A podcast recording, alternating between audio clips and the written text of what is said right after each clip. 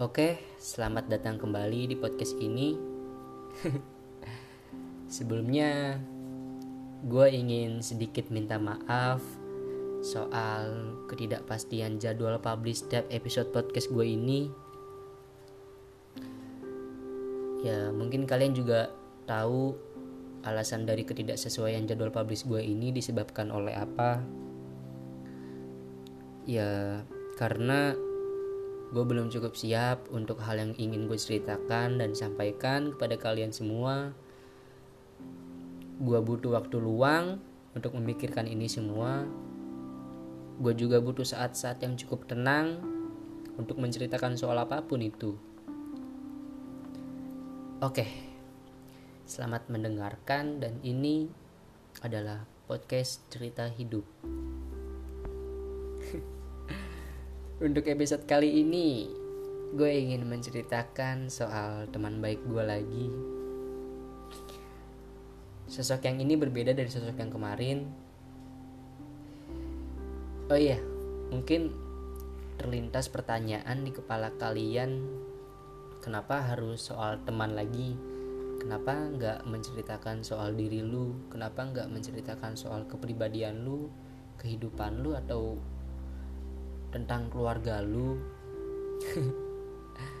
Ada saatnya kok gue menceritakan itu semua tapi waktu dan niatnya belum ada.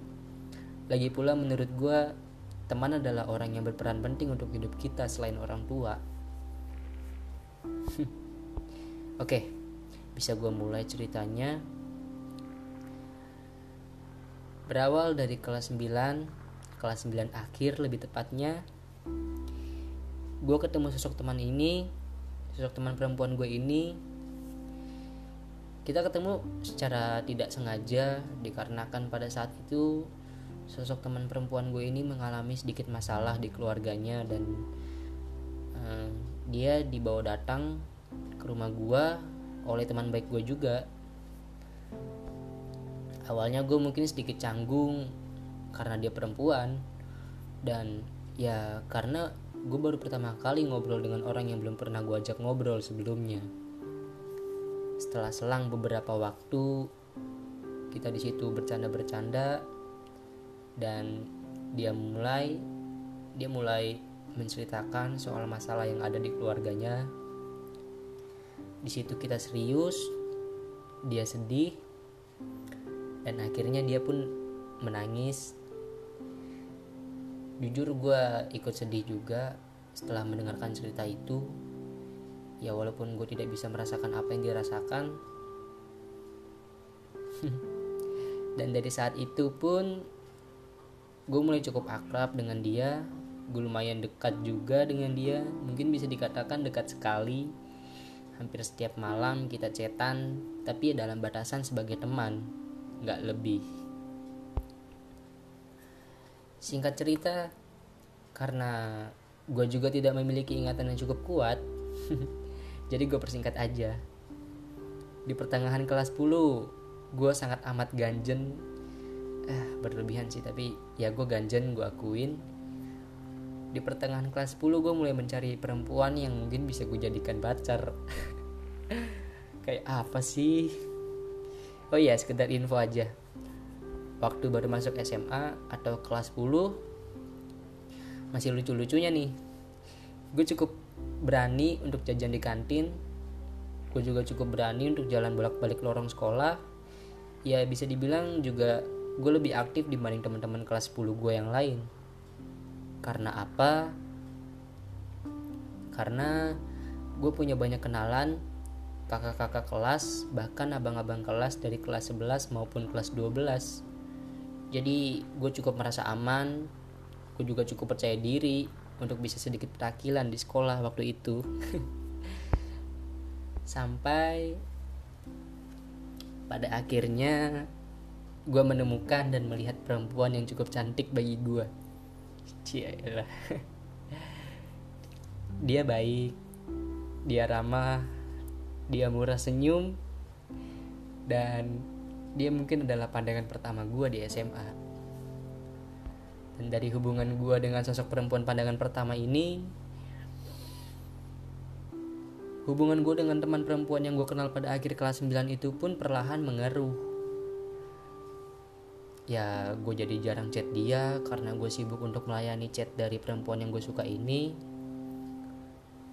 Gue jadi jarang ketemu dia karena gue terlalu sibuk menemani perempuan yang gue suka ini.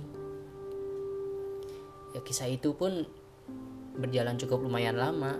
Sampai pada akhirnya gue menjadi orang yang bodoh karena mencapakan perempuan yang gue suka dan gue kejar-kejar dari kelas 10 begitu aja. Hubungan gue dengan teman baik gue ini pun sedikit renggang. Kita jadi sering berantem karena hal yang sepele. Kita jadi sering memperdebatkan hal yang gak semestinya didebat gue juga jadi sering membuat dia menangis gue pun perlahan mulai menjadi orang yang mudah marah kalau sedikit aja diganggu.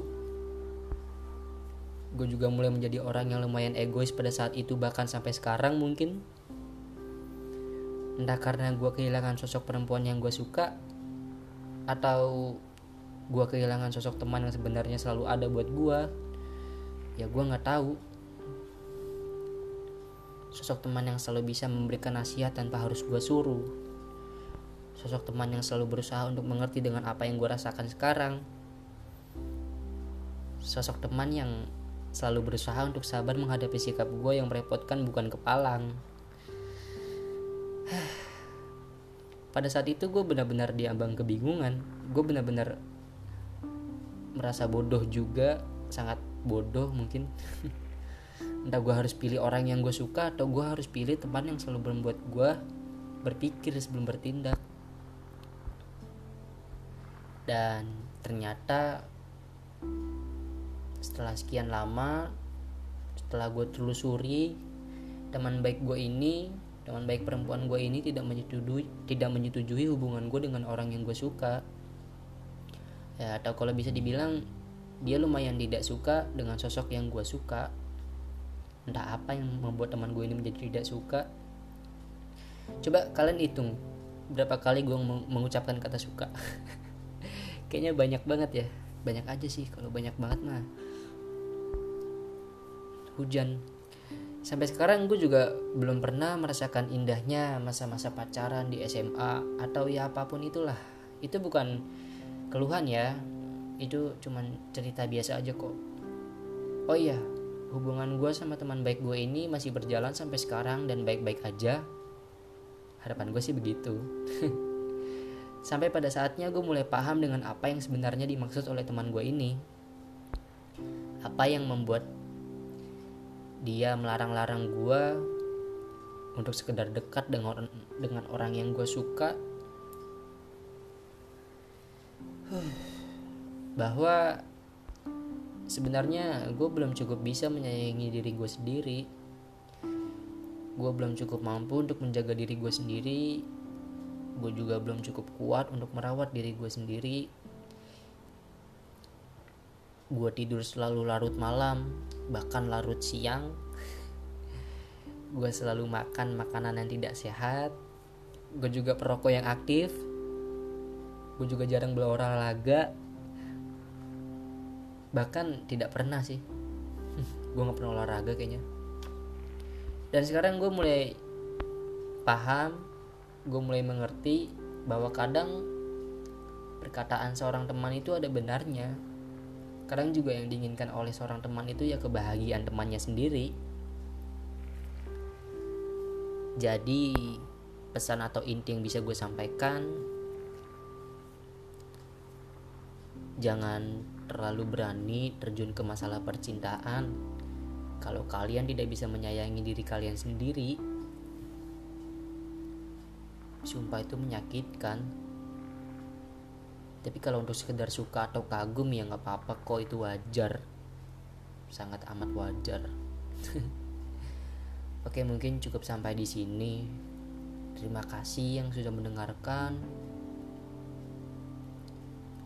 terima kasih juga yang sudah bersedia meluangkan waktunya maaf ya kalau episode kali ini sedikit tidak memiliki relasi satu sama lain. Jaga kesehatan dan jaga kebersihan. Sampai jumpa di episode selanjutnya.